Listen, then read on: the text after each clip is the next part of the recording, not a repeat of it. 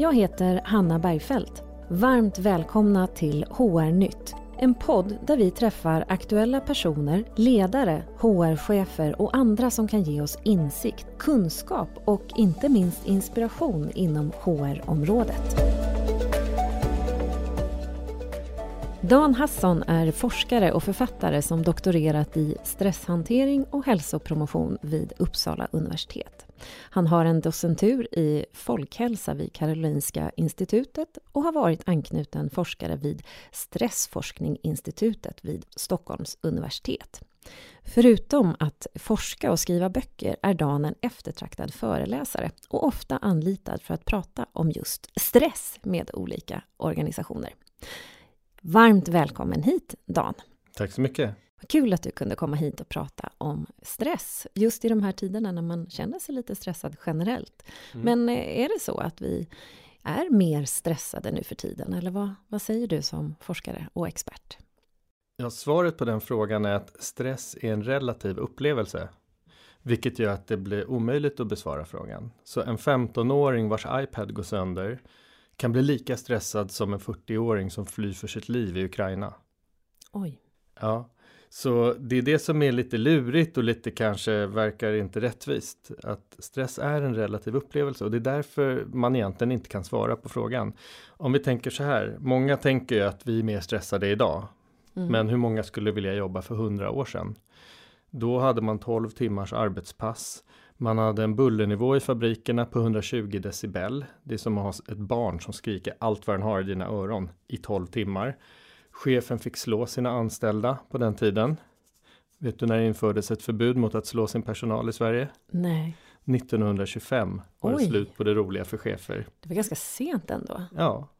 Men, men, när du sätter det sådär i perspektiv, då får man ju en helt annan känsla för att eh, man upplever stress på ett annat sätt såklart. Jag förstår vad du mm. menar. Men är det just också att det är relativt? Det betyder att du kan ju titta på en person och tänka, hur kan du bli stressad av det här? Det är väl ingenting? Och en person kan titta på dig och tänka samma sak. Mm. Så vi blir stressade av olika saker eh, i olika sammanhang. Mm. Så olika saker stressar olika människor i olika sammanhang. Så um, det är därför det är väldigt svårt, eller det går inte att svara på den frågan på ett korrekt sätt. Nej, men jag förstår. Men om man bortser då från eh, den här dåtidens mm. arbetsplatser mm. där man fick både aga och bullernivåer som inte var eh, likadant som det är reglerat nu med arbetsmiljölagstiftning och, mm. och annat, tänker jag. Eh, men vad är det som bidrar till stress på våra arbetsplatser nu då? Mm, det är kanske en ännu mer komplicerad fråga. Och, och det är för att, och, och där har man ju försökt ta reda på det under de senaste 170 åren av stressforskning och kommit fram till, för man har studerat allt du kan tänka dig, vad händer efter krig, naturkatastrofer, konflikter, arbetsmiljöproblem etc. Och efter de här åren så verkar slutsatsen vara att vad som helst kan stressa vem som helst av vilken anledning som helst. Men det fina är att oavsett vad det är som stressar oss så är det samma saker som avhjälper stressen. Och det är bara ett begränsat antal grundläggande tekniker och metoder. Åh, hjälp! Ja, Dela med dig! Ja, så grunden i all stresshantering det är egentligen tre ben. Sen finns det en enorm variation på eh, metoder och tekniker inom varje ben. Men återhämtning är en sån här ben. Då där sömnen är viktigaste källan och andning och avslappning är de mest kraftfulla metoderna. Sen har vi förhållningssätt, det är det vi alltid kan påverka. Och det kan du påverka genom psykoterapi, genom att gå till en vän, kollega, förälder, mentor, vad det nu må vara. Och sen det sista är att sätta mål. Eh, det är en av de absolut viktigaste delarna i både effektiv stresshantering men också i organisationsutveckling. På vilket sätt då? jag kunde förstå de här första två mm. stegen, mm. de, de kändes så naturliga, men på vilket mm. sätt är mål viktigt? Mål är viktigt för att du vill ju veta vart du ska fokusera och eh, ofta när, när man är stressad eller i vår natur ligger att vi ska fokusera på hot. Alltså problemen. Och så säger du så här, jag vill inte ha det där. Jag vill inte känna mig nedstämd till exempel. Vad vill du ha istället? Jag kan ta ett konkret exempel. I högkonjunktur så stiger ofta sjukfrånvarotal. I lågkonjunktur sjunker den oftast och då eh, får jag sällan frågorna om vad, vi, vad ska vi göra åt vår höga sjukfrånvaro. Men i högkonjunktur så hör många företag av sig till mig och eh, då frågar jag alltid vad vill du ha istället? Eh, då säger de, nej vi vill få ner sjukfrånvaron. Ja, men vad vill du ha istället? Och då får jag samma svar och då säger jag så här, okej, okay, men då finns det minst två evidensbaserade sätt. Det ena, det är att säkerställa att ni har goda rutiner för god och hälsam arbetsmiljö. Det andra är att se till att ni har väldigt elaka chefer, för då vågar inte folk bli sjukskrivna och då får ni också ner sjukfrånvaron. Så om, det om ni bara vill ha ner sjukfrånvaron, varsågod och välj. Mm. Elaka chefer eller god arbetsmiljö. Så då blir den naturliga frågan, vad vill ni ha istället? Och då kan man göra ett enkelt tankeexperiment. Om det inträffade ett mirakel och din arbetsplats var fulländad på alla sätt och vis. Beskriv den. Ska jag beskriva den nu tänker du? Ja det kan du göra men det, alltså, det är en reflektionsfråga ja, så man kan ju behöva tänka lite men, ja. men det, det, det, det är målet. Och om man tänker att varje medarbetare gör det här själv och sen så pratar man i sin arbetsgrupp. Hur tänker, tänker vi ens på samma sätt här? För det är en grundförutsättning att man drar i samma riktning. Så det är ju liksom steg ett. Och steg två det är att man enas om ett mål i gruppen. Eh, det här beskriver jag i kapitel 6 i min bok Faktastiskt. Just också hur man jobbar på ett korrekt sätt med mål. Alltså eh, utifrån den metodologi som har utvärderats i vetenskapliga studier. Eh, ibland har jag heldagsutbildningar för chefer om just mål. Och så inleder jag alltid med att fråga hur många är har jobbat med mål? Alla räcker upp handen. I slutet av dagen upprepar jag frågan och då är det ingen som räcker upp handen igen. Wow. Ett mål är nämligen inte ett mål om du inte har testat det till att börja med. Man måste ha strategier för hur man ska uppnå det och man måste ha ett engagemang. Så eh, när det handlar om dig själv, ja då kan du det blir lättare att liksom påverka engagemang hos dig själv. Men eh, när du väl jobbar i en organisation, då kan man ju behöva mäta förändringsvilja. Och det beskriver jag också i kapitlet, hur gör man det? Så låt oss säga att du vill genomföra en organisationsförändring. Då kan du mäta hur stor är förändringsviljan? Vill folk det här eller vill de inte det? Om de vill det, ja då är det bara att genomföra. Om de inte vill det, ja då kan det vara så att en del motarbetar förändringen. Eh, så det betyder att då kan man behöva börja jobba med attityder innan man genomför organisationsförändringen. Det tror jag är så vanligt. Eh, mm. Och det kan ju alltid vara allt ifrån att vara att förstå rationalen till bakgrunden till förändringen.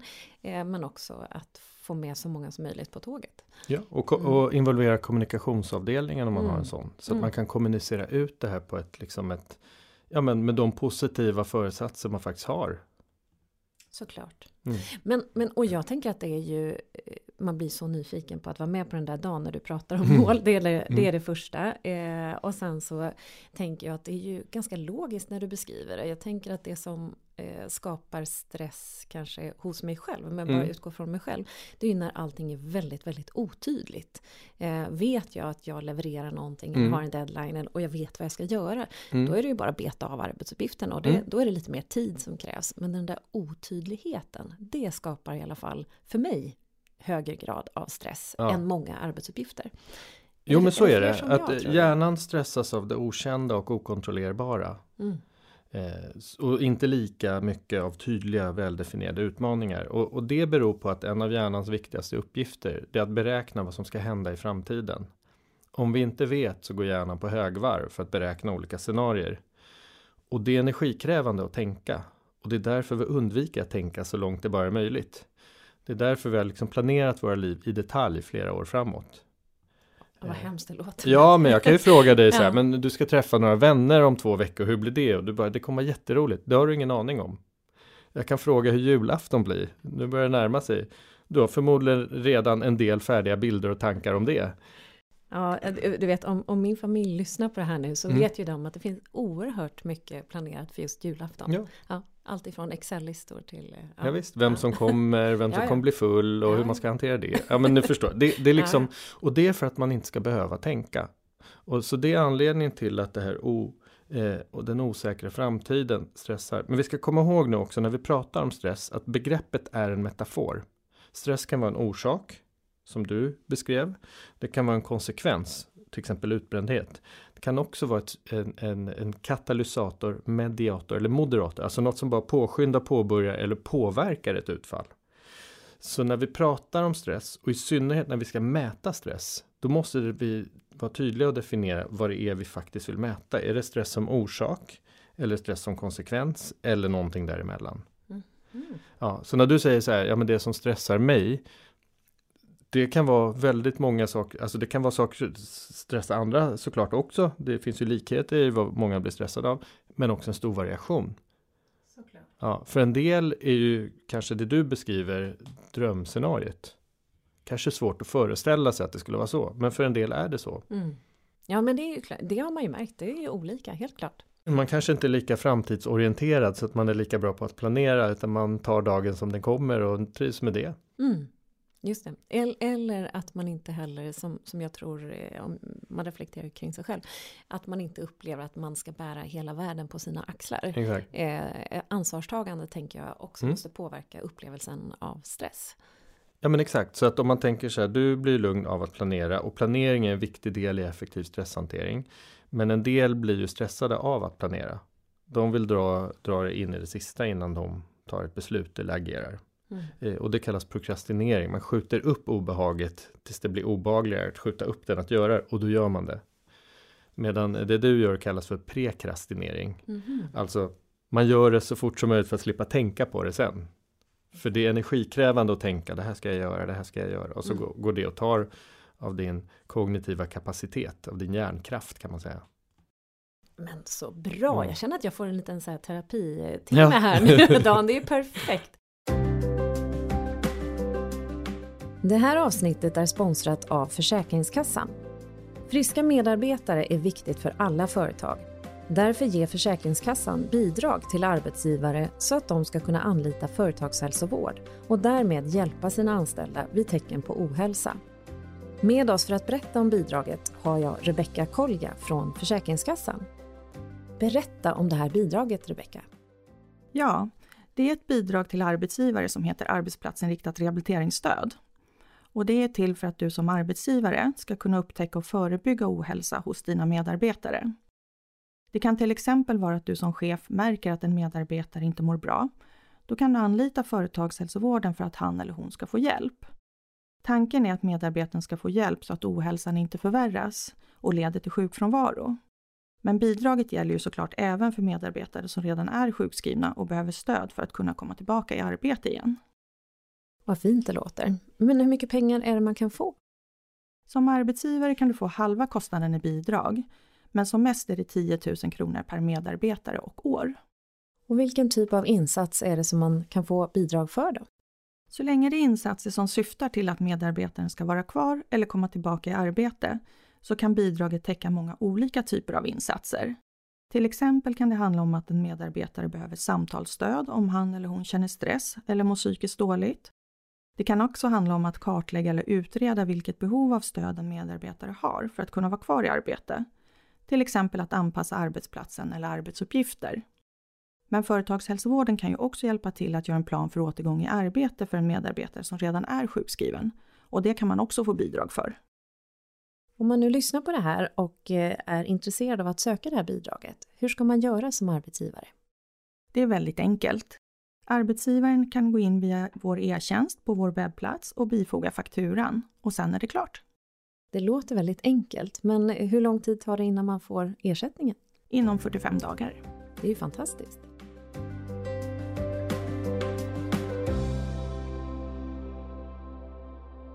När du kommer ut och möter bolag, så är det, vad är det de vill åt så att säga? För att jag själv som HR-chef vid något tillfälle upplevde att medarbetarna i organisationen eh, var stressade. Det var en mm. hög grad av stress och det märktes på olika sätt och vis, eh, upplevde jag.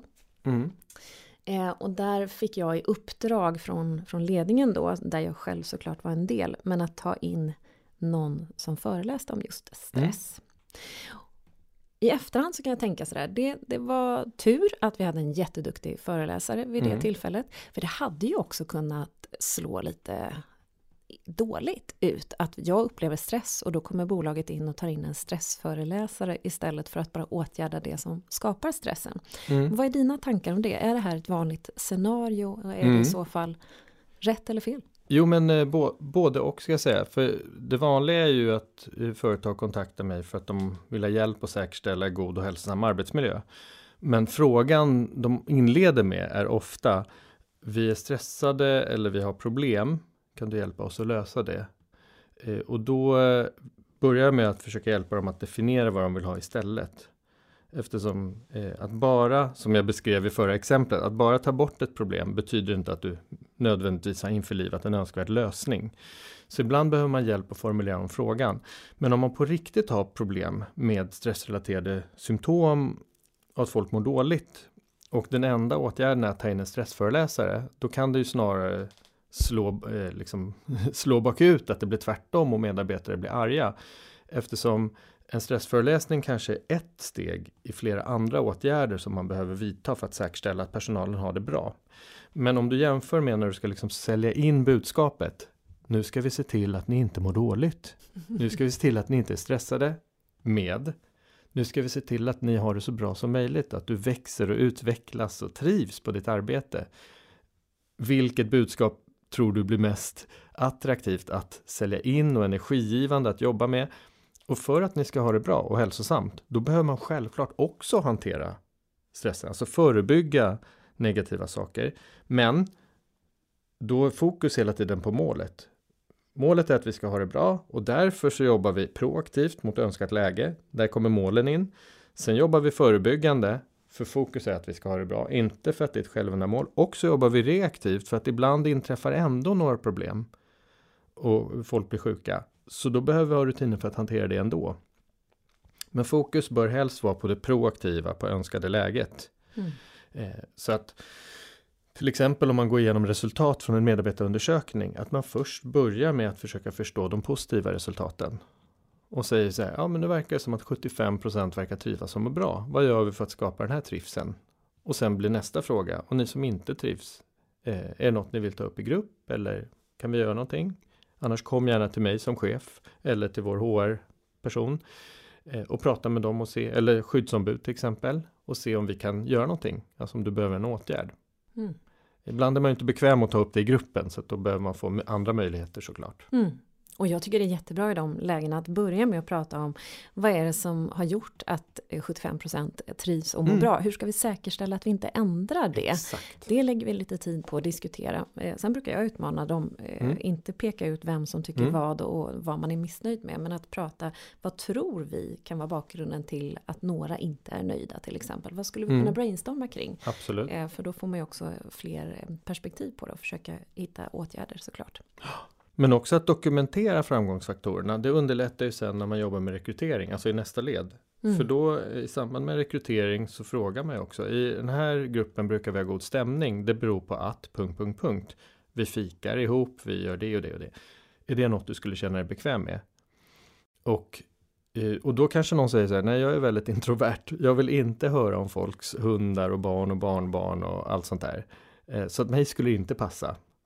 Och då vet man att då har man inte en person environment fit, alltså personen passar inte den här miljön. Den kan ha precis rätt meriter men passar inte arbetsgruppens framgångsfaktorer. Nej. Kanske passar någon annanstans men inte just i den gruppen. Och här vet jag av erfarenhet att det är ofta här HR-personer kan komma in och hjälpa chefer, alltså att jobba strategiskt. För chefen vill gärna ha personen med rätt meriter, men HR-personen kan hjälpa med den här frågan och få chefen att inse att rätt meriter men kommer inte passa in i din arbetsgrupp troligen. Nej. Så viktig fråga och jag mm. vet att du har fler perspektiv kring eh, HR och HRs roll utifrån att kanske jobba mer strategiskt mm. och att du har en del av det kanske med i din nya bok Fantastiskt. Ja men precis. Ja, eller den kom ut 2019, men ja. Ja, ny, ja okej, senaste bok då, är det det? Eller? Bok, ja. ja då, ja det. Förlåt. Nej, det är ingen fara. Jag har mest fokuserat på att säga faktastiskt ja, på rätt sätt istället för att säga fantastiskt. Jag ville kalla den för Fact Up i början, alltså Jaha. skaffa dig fakta. Men eh, det tyckte inte Natur och kultur var en bra titel. Så att Faktastiskt är ju mer i önskad riktning. Ja men, ja, men verkligen. Men berätta då om det här som du beskrev eh, innan vi satte igång så började du mm. prata lite om HRs roll utifrån att ha ett mer strategiskt perspektiv och eh, mm. mer faktabaserat om jag uppfattade rätt. Ja, så det är egentligen det som Faktastiskt handlar om, hur man ska jobba med faktabaserad organisationsutveckling. Eh, intressant nog så brukar jag fråga eh, många personer inom HR eh, de, om de minns vad de utbildade sig till att jobba med en gång i tiden. Minns du det? Ja, det gör jag. Och vad trodde du att du skulle få jobba med i början av din utbildning? Nu, nu var det så här att min mamma var personalchef när det mm. begav sig. Eh, så att jag hade ett motstånd oerhört länge för att eh, det tar ett tag innan man vill bli som sin mamma. I Mm. alla fall tog det ett tag för mig. Eh, och jag kommer ihåg att hon satt på en pall i köket med den här fasta telefonen med sladden. Och hon pratade alltid med arga medarbetare eller eh, upprörda chefer. Jag, jag minns inte, det var min bild i alla fall. Mm. Och då kände du, det här måste jag Det här göra. måste jag göra! Ja. Eh, nej, verkligen inte. Eh, utan jag tog en ganska lång omväg innan jag hamnade där. Eh, Mm. Och började läsa psykologi bland annat.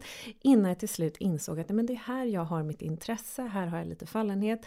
Eh, och tyckte att blandningen arbetsrätt och psykologi eh, var väldigt spännande och Mm. intressant.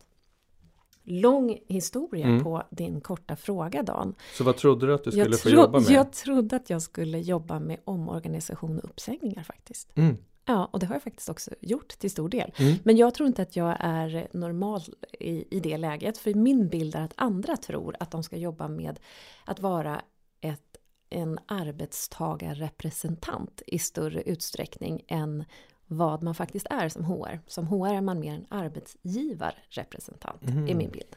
Ja, ja. ja Det- det intressant att du säger det. Ja. Jag, jag har ju föreläst då för studenter vid Uppsala universitet i många år, eh, som går då personalutbildningen. Eh, och eh, det som är intressant, eh, det är att jag brukar ställa frågan och det brukar glittra i studenternas ögon när jag ställer frågan, för de tror nämligen att de ska få jobba med organisationsutveckling. Mm. Eh, och sen när man kommer ut så är det många, absolut inte alla såklart, men många får jobba med mer, eh, nu kallar jag det för lite raljerande för löpande banduppgifter. Säga upp, rekrytera, lösa problem. Lite det du beskrev. Verkligen. Men HR har en otroligt viktig funktion i den strategiska organisationsutvecklingen. Och om man spenderar en stor del av sin tid eller all sin tid på att säga upp, rekrytera och lösa problem, då hinner man inte med den otroligt viktiga uppgiften. Eh, exempelvis ska vi följa en trend och börja jobba agilt till exempel. Eh, det finns en hel del forskningsstudier redan på det här som visar att om du till exempel försöker införa det agila i en hierarkisk organisation så bäddar man in en härdsmälta i organisationen eftersom det är två filosofier som inte fungerar. Och om man nu ändå vill ta in det agila eller agila komponenter då behöver man planera utifrån det här liksom mer kritiska och strategiska förhållningssättet att kanske de här komponenterna skulle passa vår organisation men inte hela paketet. Eller om vi nu ska jobba agilt, då måste vi se till att alla andra delar faktiskt anpassar sig efter de agila teamen till exempel. Precis. Eh, Men en annan, om vi ska göra en lite längre Mm. utläggning, bara för att liksom komma in i kom- komplexiteten. Låt oss säga att man ska jobba agilt. Eh, då betyder det att man behöver ha personal som är duktiga på självledarskap. Eh, och första beslutet är, ska vi jobba med gruppbaserat självledarskap eller individbaserat självledarskap? Det är två olika sätt att leda en organisation. Gruppbaserat, så kan man, då maximerar man gruppens prestation, ibland på bekostnad av medarbetarens enskilda prestation. Och individbaserat så kan du maximera en individs prestation, men ibland på bekostnad av gruppens. Så då har du de två distinktionerna, men också hur man leder. Individbaserat självledarskap, då är det alltid individuell återkoppling. Gruppbaserat så är det gruppbaserad återkoppling. Mm. Men låt oss säga att vi nu går på den individbaserade som många tänker på. Eh, Då är det så att högt samvetsgranna personer, vilket är en personlighetsegenskap, eh, de är ofta duktiga på självledarskap. De är noggranna, ordentliga, följer upp sig själva. Lite så som du har beskrivit att du är. Anna. Det, Ja. nej, men det sa jag väl Ja. inte, det lät lite, det lät Ja. inte så ödmjukt att säga så. Men jo, okej, men, nej, men bara när du har beskrivit Okej. att du planerar och allt sånt där och följer upp. Och, Ja. och det är typiskt samvetsgrant. Och det är jättepositivt såklart. Eh, men när man ska jobba agilt så ska man också vara flexibel. Och högt samvetsgranna personer eh, tenderar också att vara ganska rigida. Alltså när du har tagit in dina hjulspår, när du har planerat hjulen, så vill du inte gärna avvika och testa ett nytt sätt. Och, liksom. Mm.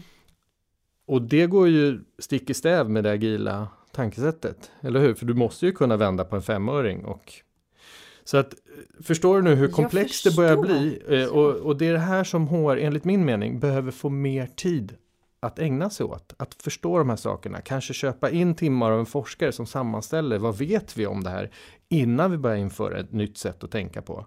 Förut var det lean production och sen så nu det här tillitsbaserade eller psykologisk trygghet har ju gjort en återkomst eh, till företagsvärlden nu. Eh, där man väljer en gren av psykologisk trygghet som eh, ja, men, som absolut inte är den minst kritiserade om vi säger så i den vetenskapliga litteraturen. Eh, som är för och nackdelar liksom. Eh, så Då förstår du hur viktiga HR är och varför man behöver få ägna tid åt just den här strategiska organisationsutvecklingen. Så man kan hjälpa chefer med strategier och inte göra deras jobb åt dem. Nej. Om du förstår. Jag förstår till 100 procent. Eh, och jag bara önskar att jag hade fått med mig de tipsen eh, när jag satt som HR-chef själv i tidigare organisationer och uppdrag. Det hade ju mm. varit så bra att få den där liksom, ögonöppnaren lite för att mm. få, få perspektivet på ett annat sätt. För man blir så fast i det operativa och man springer och springer och springer. Um, så att, uh, ja, och många varit... inom HR är så otroligt snälla också. Så mm. när man säger så här, kan inte jag få hjälp med det här? Så hjälper man. Mm. Och så gör man chefernas arbete. Mm. Och sen vänjer sig cheferna vid det och så säger man så det där är HR som fixar det här. eh, men eh, så är det ju inte egentligen då. Så, så är det ju verkligen. Det är ju cheferna som har delegation på att eh, eh ja, men, sköta många av de här uppgifterna helt enkelt. Mm, verkligen. Sen är det jättebra att HR kan finnas med som stöd. Men men det är bra om cheferna får utföra sitt arbete och att man som HR då kan hjälpa dem att göra det strategiskt mest korrekta. Mm. Eh, ta de strategiskt mest korrekta besluten. Mm. Och för det behöver man ha tid att läsa på eller be någon annan läsa på. Perfekt! Ja. Du kommer ha så många mm. nya uppdrag här nu Dan för att det, mm. jag tror att många HR som lyssnar nu de, de vill nog inget hellre än att få till de där strategiska besluten eller riktningen som också möjliggör att mm. vi både blir mer affärsnära som, ja. som HR tänker jag för att faktiskt bidra med ett annat värde än att bara springa och göra eh, chefernas arbetsuppgifter som det ibland tyvärr kan bli. Så ja. superbra! Ja. Förutom det så insåg jag också att jag kanske inte är så agil som person då. Mm. Utan jag nej, kanske är alltså lite det, mer rigid. Nej men det skulle mm. kunna vara så. Ja. Det kan vara så att du är eh, mer agil eh, i, när du jobbar.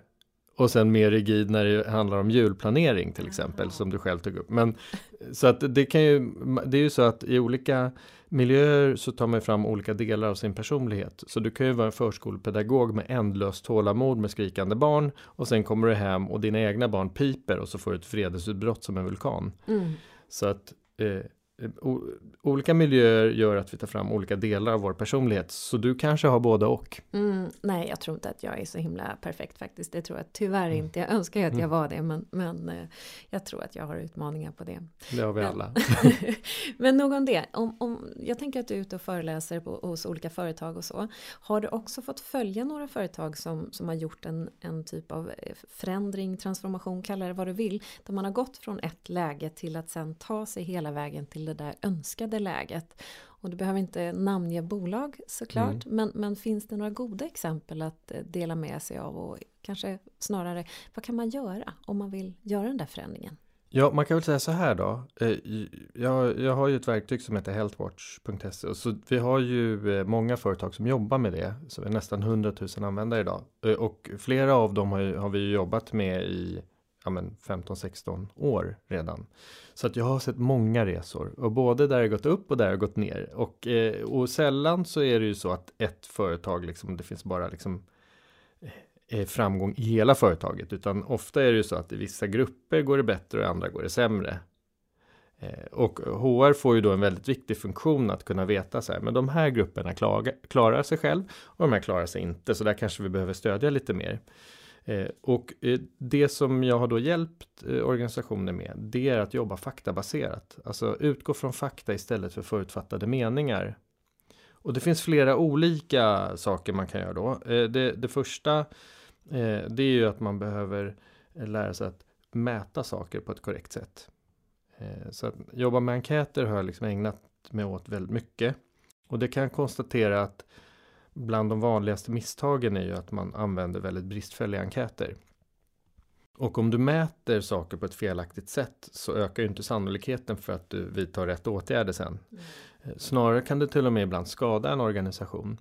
Eh, jag minns en HR-person som eh, frågade om jag kunde komma och föreläsa om stress och eh, kränkande särbehandling. Eh, och eh, då frågade jag om upprinnelsen. Hon var väldigt stressad över det här.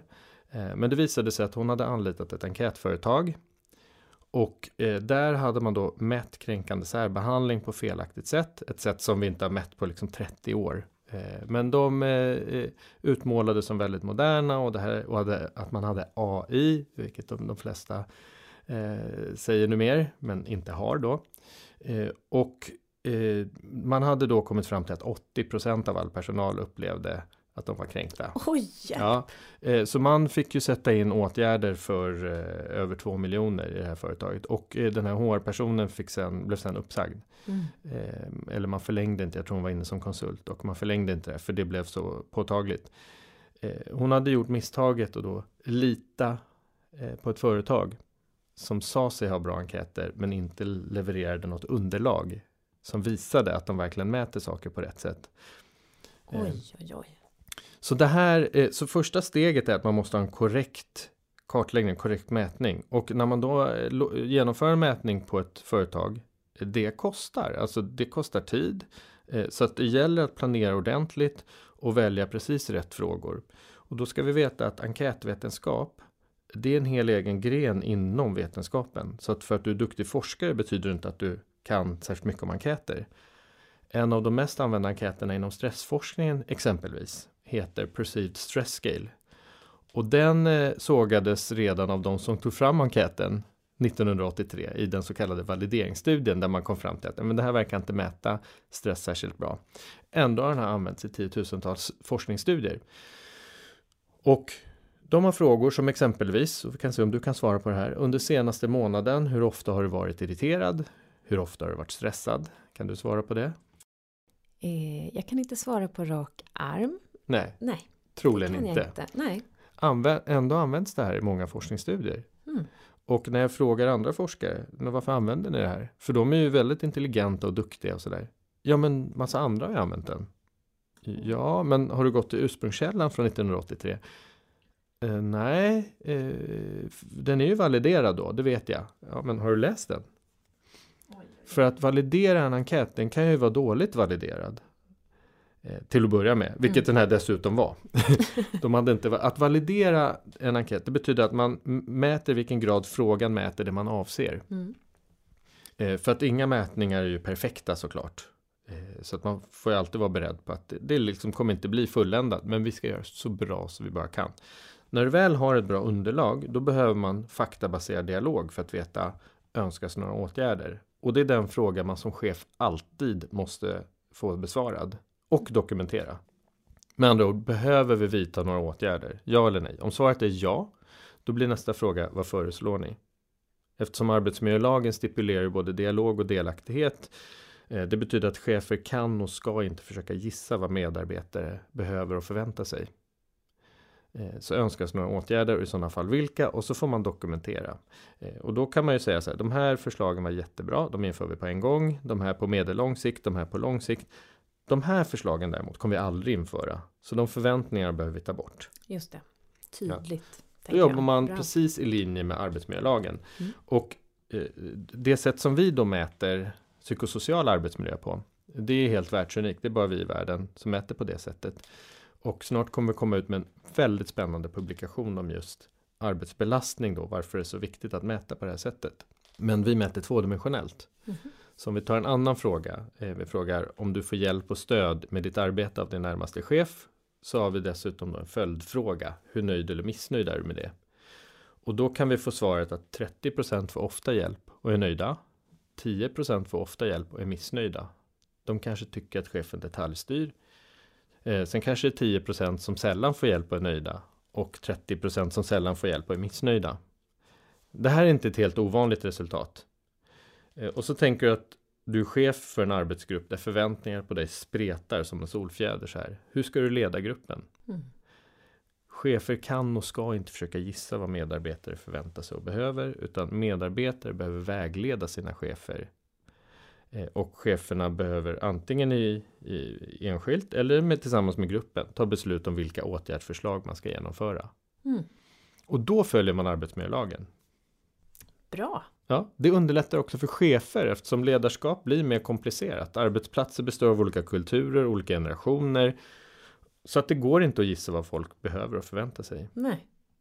Jag håller med till 100 procent och bara mm. som, som tidigare chef eller ledare själv så kan jag uppleva att eh, det går ganska så fort att hamna i en grupp där man också har olika bilder av vad min roll som chef och ledare är. Exakt. Eh, och den behöver man ju också rätta ut för att eh, jag kanske sitter med en helt egen uppfattning medan du tycker att jag ska göra och prioritera helt andra saker. Ja men visst, mm. ja men visst, absolut. Mm.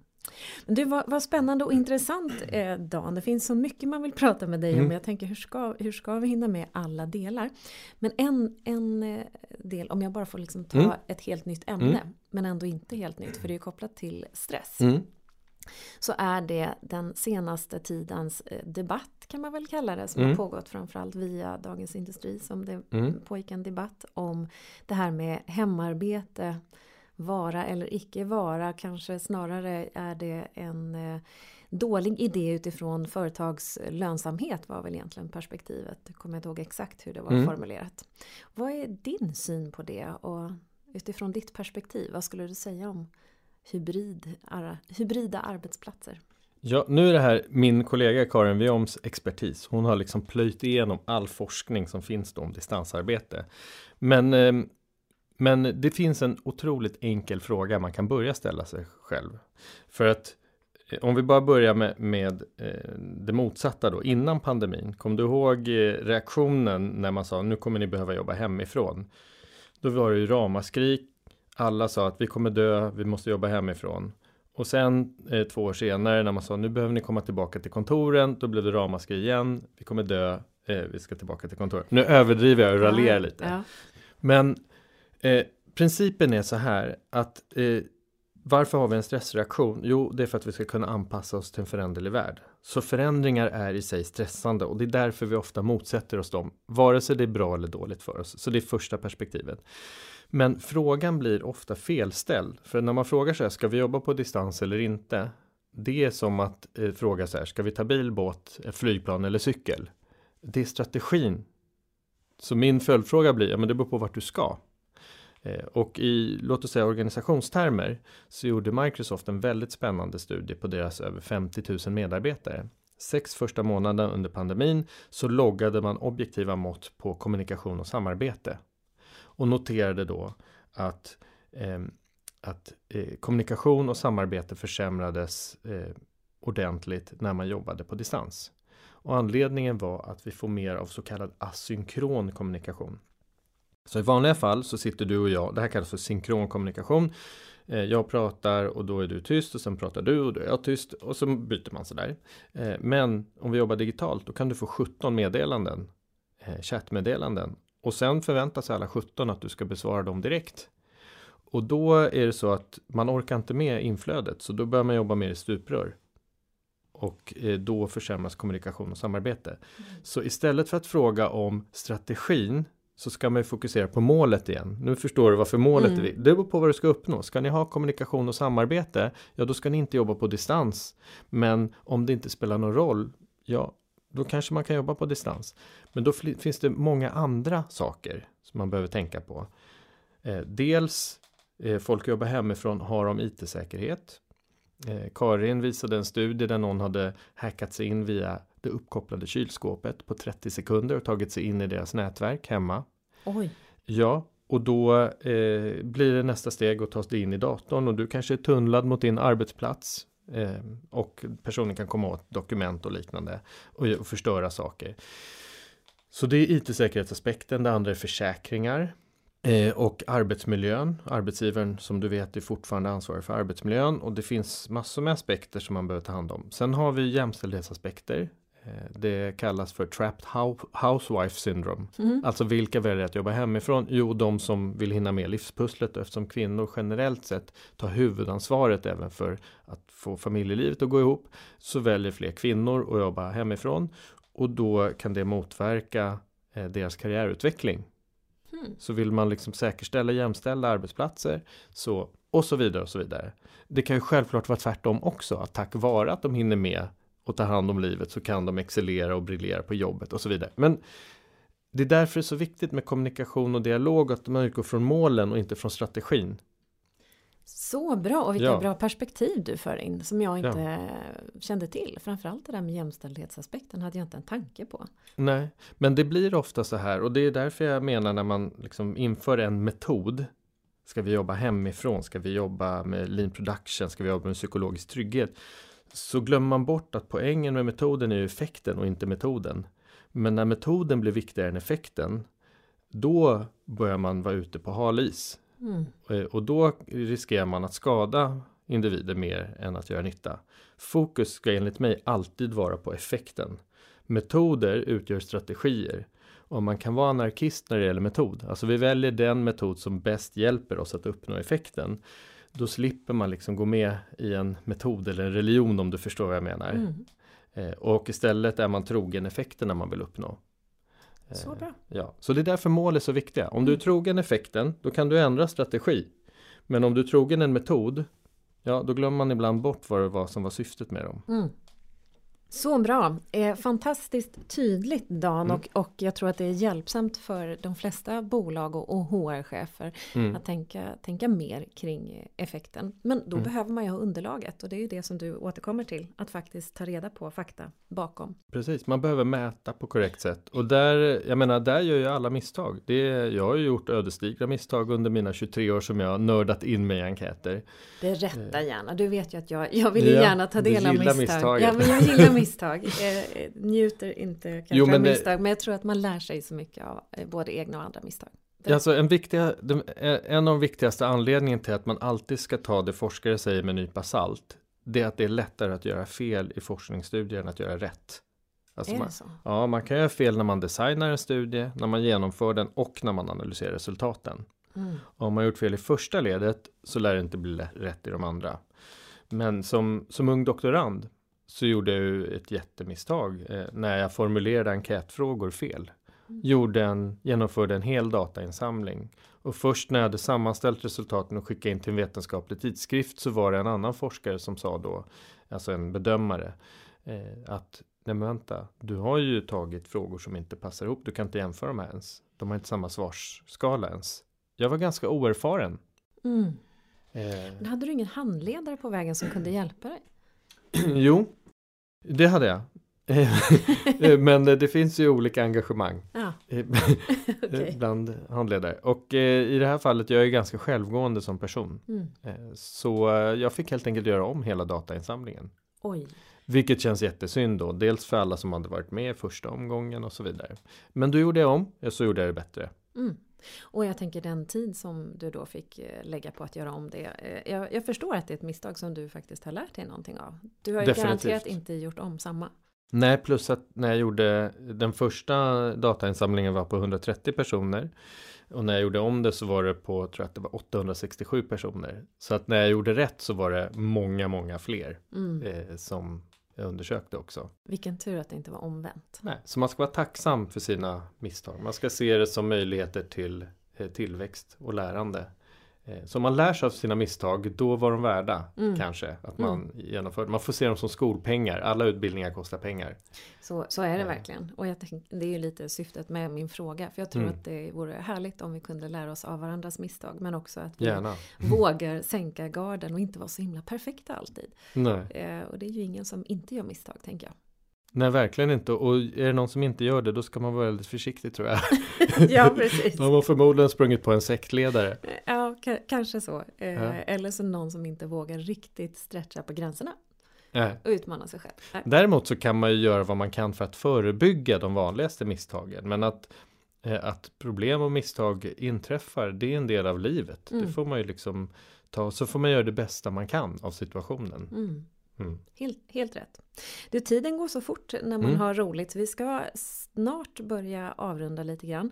Men, men om man gör en form av delsummering här på eh, vad som är viktigt utifrån eh, stressperspektivet och utifrån Mm. hur man ska jobba för att kanske må bättre eller skapa Mm. en bättre arbetsplats. Eh, Mm. Har jag uppfattat det rätt då? Att det, det handlar om tre ben? Eh, När det gäller stresshanteringen. Stresshantering, ja Mm. precis. Ja, det kanske finns andra tips gällande att få en välmående arbetsplats. Men gällande stresshantering så var det Mm. återhämtning, Mm. eh, förhållningssätt Mm. och mål. Mm. Eh, kan du bara säga några ord om det här med förhållningssätt? För vi pratade mm. en del om mål. Återhämtning, det tror jag att man lätt mm. förstår vad det är med sömn mm. kanske eller, eller avbrott i arbetet mm. till exempel. Men förhållningssätt, vad, vad menar förhållningssätt du med det? är något som man alltid kan påverka. Eh, låt oss säga att, man, att det kommer en ny trend när det gäller kontor. Att nu ska vi inte jobba aktivitetsbaserat längre utan nu ska vi jobba ja, i, utomhus. Som ju är en trend, en riktig trend. Eh, då kan det ju bli en stor oro. Eh, men eh, det är inte säkert då att man kan eh, påverka hur det blir när man väl har bytt arbetssätt. Däremot kan man alltid påverka hur man ska lösa problem till exempel. Att om problem uppstår, då kommer vi hantera dem på de här sätten till exempel. Det kan man påverka. Eh, men jag kan ta ett mer individuellt exempel, kanske det blir ännu tydligare. Eh, för många år sedan jobbade jag med en kvinna som hade ett av de värsta tänkbara livsscenarierna. Svårt sjuk tonårsson, mycket problem med sjukvården av sonen, höll på att skilja sig från maken, var sjukskriven från jobbet. Liksom allt som kunde gå snett i hennes liv gick snett. Så då eh, frågade jag henne vad som var värst. Hon sa det är de här ständiga konflikten med hennes tonårsson. Mm. Och, eh, och sen också eh, att hon ville gärna visa pojken kärlek. Men hon tänkte så här. Han mår så dåligt så inte kan väl jag vara glad och visa honom kärlek. två begränsande föreställningar. Mm, mm. Hon beslutades för att testa. Och när hon tillät sig vara glad. Vad tror du hände med honom? Han blev gladare tänker jag. Han tilläts vara glad mm. och när hon började visa kärlek så började han be om den. Mm. Hon berättade att bara några dagar innan hon kom tillbaka då hade han självmant bett henne komma in i sovrummet och stryka honom över huvudet så här tills han somnade. Oh. Två veckor tidigare då hade hon trott att det här var omöjligt. Mm. Hon hade inte ändrat på verkligheten. Han var ju fortfarande lika sjuk och allt det andra. Mm. Men hon hade ändrat på sitt förhållningssätt till verkligheten och därmed ändrat väldigt viktiga delar av både hennes och sonens verklighet. Åh, vilket fint exempel, ja. jag blir alldeles rörd. Ja, ja. men det är rörande och det är det mest ett av de mest kraftfulla verktygen vi har. För när vi inte kan ändra någonting annat så kan vi alltid ändra vårt förhållningssätt. Mm. Det är liksom den sista utvägen vi har om inte annat. Sen behöver vi inte spara det till sista utvägen, vi kan ju ändra det redan i början. Mm. Mm. Så det är egentligen det här som, som jag brukar eh, säga min fa, mitt favorit, eller min favoritdevis eh, som egentligen har snott från min mormor som är 98 år. Mm. Inte hur man har det utan hur man tar det. Det mm. är ju väldigt eh, rätt i det sammanhanget. Utan eh, det kan hända saker hela tiden men hur man då hanterar det och vilket förhållningssätt man har påverkar upplevelsen av mm. stress eller hur ja, man mår i stress. Jag skulle, jag skulle en liten ehm, en liten eh, miniatyrändrad version mm. av det skulle ja, kunna vara att inte bara hur du har det utan Nej. också hur du tar det. Just det. Mm. Det kanske blir den nya devisen från och med nu då, efter att ha träffat dig. Absolut, ja, absolut, det kan det vara. Det kan det vara. Men sen finns det ju också andra saker. Eh, så någonting som jag och min kollega Karin Vion jobbar ganska mycket med nu handlar ju om hövlighet och ohövlighet på arbetsplatser. Eh, det är nog ett ämne för en annan podd. Men en del där, en delförklaring till att ohövligheten har ökat i samhället. Det är ju just eh, väldigt förenklat offermentalitet. Alltså att man tycker synd om sig själv och därmed rättfärdigar destruktiva beteenden mot andra. Eh, wow. Så ett konkret exempel. Du, du, kanske säger så här, ja men jag har dåligt morgonhumör. Om någon hälsar på mig före klockan 11 så får de sig en avhyvling. Mm. Eh, självklart har man inte rätt att vara otrevlig mot andra, men man tar sig rätten och rättfärdigar det med att det är ju faktiskt synd om mig. Är det det det handlar om? Jag blir tokig på sånt. Jag blir, mm. jag blir galen på folk som säger att sån här är jag. Ja. För, för, det är ju inte okej, så kan man ju inte säga. Nej, och det är därför det är så viktigt. Och det är nästa steg i den här faktabaserade dialogen. Det är att identifiera önskvärda beteenden. Vilka beteenden är önskvärda, vilka är icke önskvärda och vad blir konsekvenserna för A eller B? Mm. Och ett företag som har gjort ett jättearbete när det gäller just säkerhet och önskvärda och icke önskvärda beteenden. Det är ju Boliden, gruvbolaget, som har tagit fram en matris som är ganska spännande. Både med de här beteendena belönar vi, alltså en trafikljusmodell, gröna beteenden kan man säga, eh, individ, grupp och chef. Eh, sen har vi gula beteenden som är man gör ett säkerhetsmisstag fast det var inte avsiktligt. Mm. Eh, och sen eh, har vi de röda där det är tydligt med konsekvenserna. Där med avsikt eh, försummade du någon säkerhetsrutin som gjorde att någon annan skadade sig. Och då står det att då blir det direkt en erinran. Alltså du får en skriftlig varning direkt. Mm. Och sen alltid utbildning till medarbetare, chef och hela arbetsgruppen. Väldigt spännande matris faktiskt att titta Verkligen, och jag tänker Mm. att det blir så, det blir så konkret Mm. i den typen av bolag. Men det finns ju egentligen ingenting som hindrar att man kan vara precis lika konkret på. Exakt. i ett vanligt, om man säger tjänstemannakontorsbolag. Exakt. så länge man är tydlig och definierar beteenden. Exakt. Och då är det, det hemligheten nu för att det ska fungera. Det är att man gör det på lägsta arbetsgruppsnivå. Alltså Mm. inte en floskel i hela organisationen. Alla ska vara snälla, alla ska vara miljövänliga. För om man inte vet vad det innebär så är det väldigt svårt att följa det. Mm. Utan man går ner till absolut lägsta arbetsgruppsnivå och där sätter man beteendereglerna. Och då om en person säger jag är bara så här men avbryter folk hela tiden så säger man så här du får vara som du vill men du får inte avbryta folk. Nej. För det har vi redan satt en regel kring att det får man inte göra. Nej. Eh, Men då ska man ju också komma ihåg att när man genomför de här reglerna så får man ju inte använda reglerna till att göra illa folk. Nej. Är du med? Att man gör ett Mm, baseballträ av mm. regler som gör att vi ska ha det bra och så slår man folk i huvudet med det här baseballträet. För då kommer man inte ha det bra. Utan det är därför man ska vara tydlig med konsekvenserna. Men jag kan ta ett konkret exempel bara för att runda av det. älskar konkreta exempel. Eh, jag satt med en chefsgrupp, 120 personer, och så frågade jag Vad händer om inte ni följer fattade beslut? Och eh, gruppen svarade inte. Eh, och så några skruvar på sig. Jag ställde frågan igen och igen och till slut var det någon som sa så här, det beror på vilket beslut. Och då sa jag, vadå, är det frivilligt? Eh, och då var det någon annan som sa, oftast händer ingenting. Och då sa jag, okej, men nu sitter er chef här. Hon undrar, vad ska jag göra när ni inte följer beslut? Skriv ner, ett, två, tre. Då kanske det blir så att en del säger så här, om jag inte följer beslut så vill jag att du ett, frågar mig vad det beror på. Om det sker igen så vill jag att du erbjuder stöd. Och tredje gången, säg skriftlig varning. Nu förenklar jag, Mm. jag slänger ur mig saker Mm, bara. Men du förstår vad jag menar. Mm. Då om 85% av arbetsgruppen säger så här vill jag att du ska agera. Då kan chefen agera på det sättet. Men om du annars går på den personen som inte följer beslut. Så idag är det så. Och det här hörde till ett annat ämne då. Mm. Men i, i, med lättkränktheten då som ökat. Då kan personen säga så här. Jaha, men chefen går bara på mig. Det är personligt. Det är kränkande särbehandling det här. Mm. Och det är därför det är så viktigt att dokumentera de Mm. önskvärda och icke önskvärda beteendena. Och att man inte går på person utan man går på beteendet. Mm. För det är vanligt att någon säger så här, vi har en person som är så negativ. Och då frågar jag, men vad gör personen? Okej, det där kan ni då reglera. Så får man inte göra gör så här istället. Otroligt intressant. Det är egentligen en, en liten ABC-analys där för att se, att bryta ner det. Vad är det egentligen vi pratar om? Mm. Ja. Jag tänker alltifrån att man kan uppleva att folk inte är eh, med i mötet eller vad det nu kan vara för att man Mm. sitter och flackar med blicken eller vad det nu kan vara. Men det, det kanske man visst är. Man måste ju konkretisera. Vad är det som gör att jag upplever att du inte är med i mötet? Det kanske var ett Ja. dåligt exempel. Men det är ju väldigt bra att faktiskt bryta ner det på en så Mm. pass konkret nivå. Så att vi kan vara överens om det i en matris till och med. Och, och sen titta på både och. Önskvärda Mm. beteenden och icke önskvärda. Mm. Det här är det vi önskar och det här är det vi icke önskar. Och så här är konsekvenserna. Mm.